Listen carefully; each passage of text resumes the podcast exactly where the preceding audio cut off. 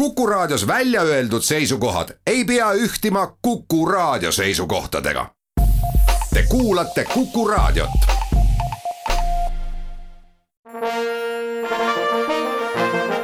Vanemuise veerand. tere kõigile teile, head Kuku raadio kuulajad. tere saatekülalisele, tere dirigent Martin Sildas. tere! saatejuht on Tiiu Rööp. me hakkame rääkima sellel pühapäeval toimuvast Vanemuise sümfooniaorkestri advendikontserdist.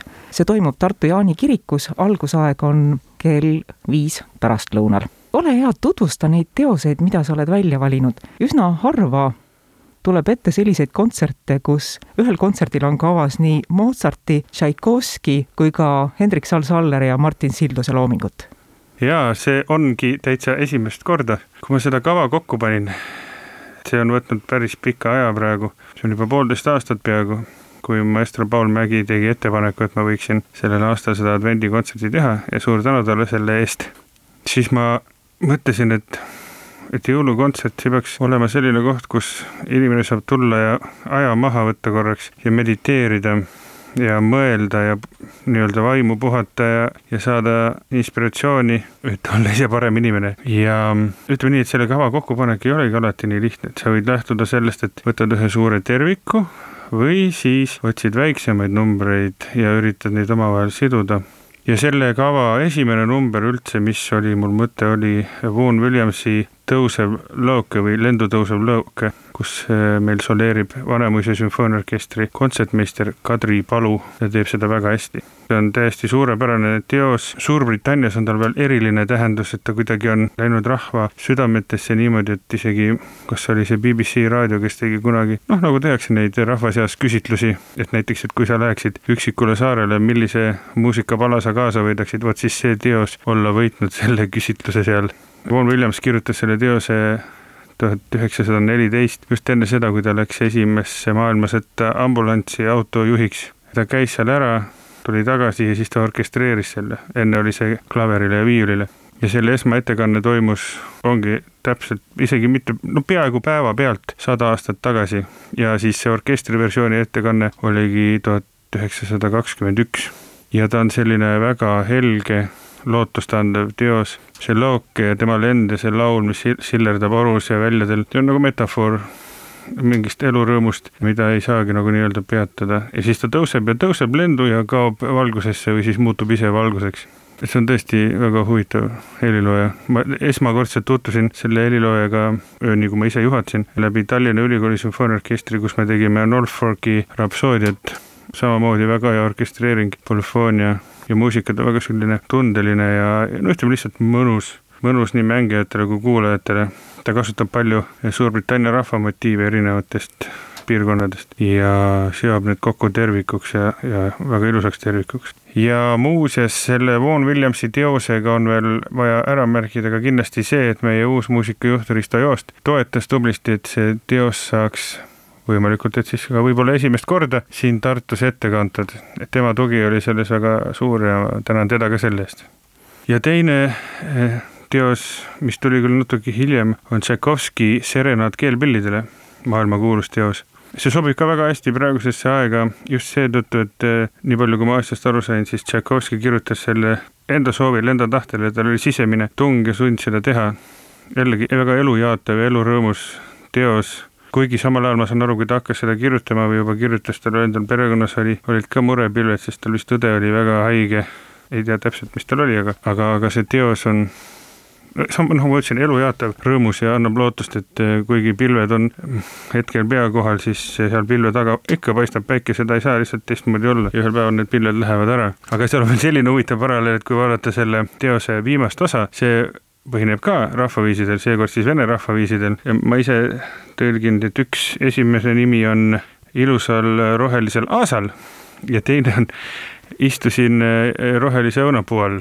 Noh, et mis seal selle talvega seost on, aga see kõlapilt, kui see hakkab kõlama, siis mul tekkis niisugune naljakas mõte, huumoriga mõte, et huvitav, et kas Tšaikovski on kuulanud meie Tormise kevadet või, et see on väga sarnane helipilt sellele, kuigi noh, naljaga pooleks, tegelikult oli võib-olla vastupidi.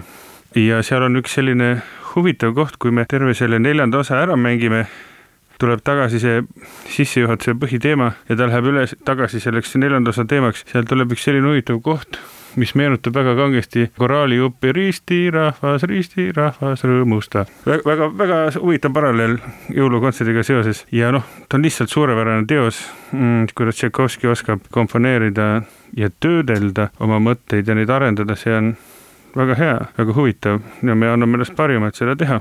ja alati, kui panna kokku selliseid kavasid, ma üritan lähtuda ka sellest, et lisaks sellele, et tutvustada kedagi praktiliselt uut, noh nagu see Vaughan Williams, siis alati tuleb võtta ka Eesti muusikat tegemisse ja seekord on üheks Eesti teoseks Olav Ehale Jõuluingel, no see peab lihtsalt olema jõulukontsert, aga siis on ka eh, mõned teosed, mis on kas minu seotud või konkreetselt minu komponeeritud. näiteks see Henrik Salleri teos Nii sind ootan, ma arvan, et paljud raadiokuulajad teavad seda teost, sest see on tuntud teos, aga ta eristub kuidagi Smilersi loomingust vähemalt minu jaoks nagu suuresti, et see tema kuidagi, see mõte ja see tekst, mis seal on, see kogu helipilt, et ta kuidagi on nii, läks kuidagi nii sügavuti minusse, kui ma esimest korda kuulsin seda tänu oma sõbrale Reimole, kes mulle seda tutvustas kunagi viisteist või kakskümmend aastat tagasi.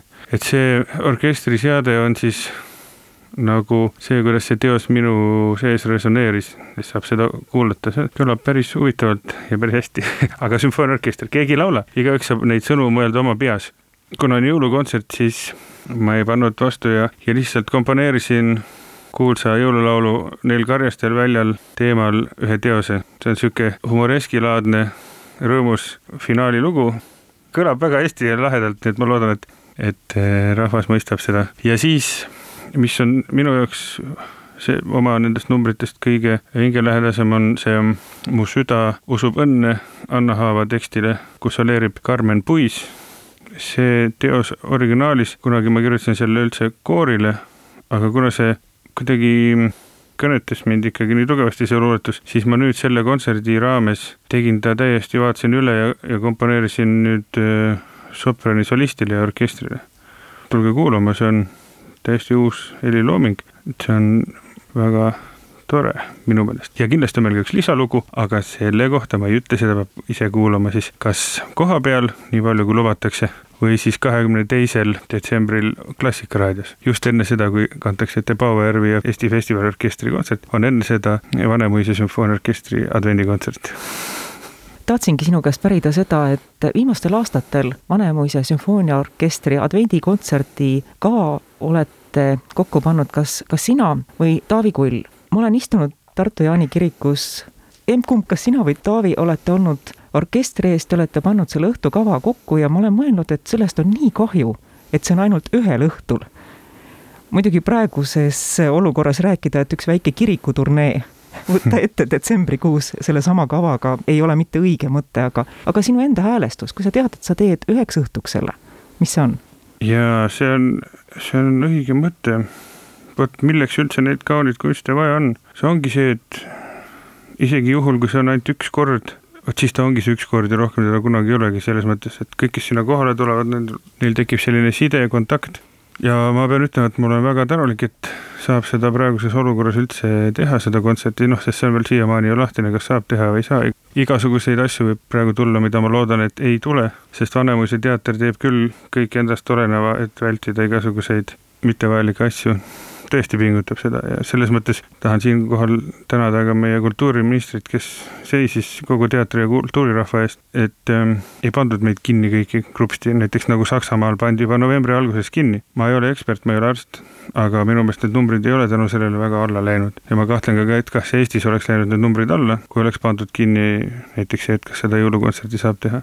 aga seda on vaja just kasvõi sellepärast, et kaunite kunstide üks eesmärk lisaks kõigile muule silmaringi laiendamisele ja muud on ka see, et pakkuda mingit lohutust või või kasvõi ma ei tea, kuidas öelda, psühholoogilist taastumist või midagi läbi selle siis, et esitada teoseid, mis mõjuvad inimestele hästi.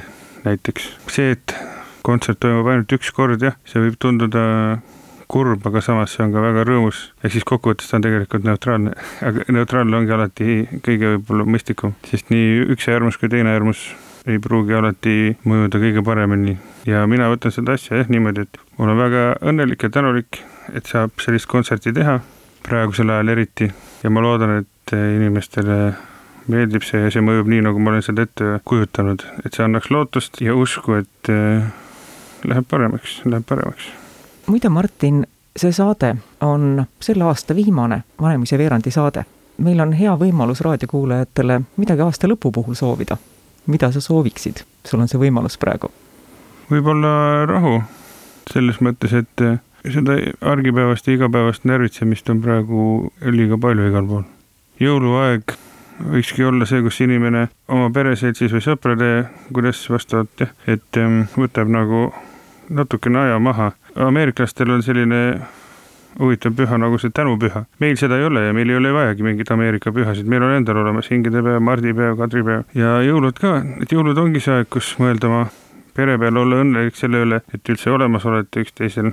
jah, olla tänulik sellest, et äh, me saame olla ja teha ja olla tänulik nende inimeste üle, kes on meie ümber, ma arvan. saatekülaline sõnastas väga hästi need soovid, mida ka saatejuhil oli mõtteis kuulajatele soovida, sestap saatejuht Tiia Rööp tänab külalist, dirigent Martin Sildost külaskäigu eest ja juba ette ka advendikontserdi eest. aitäh, Martin! väike lisainfo teile, kes te plaanite pühapäeval minna Tartu Jaani kirikusse Vanemuise sümfooniaorkestri advendikontserdile. kuna kontserdil kehtivad publikupiirangud, minge aegsasti kohale aitäh kuulamast, rahulikke pühi, kuuleme uuel aastal. Vanemuise veerand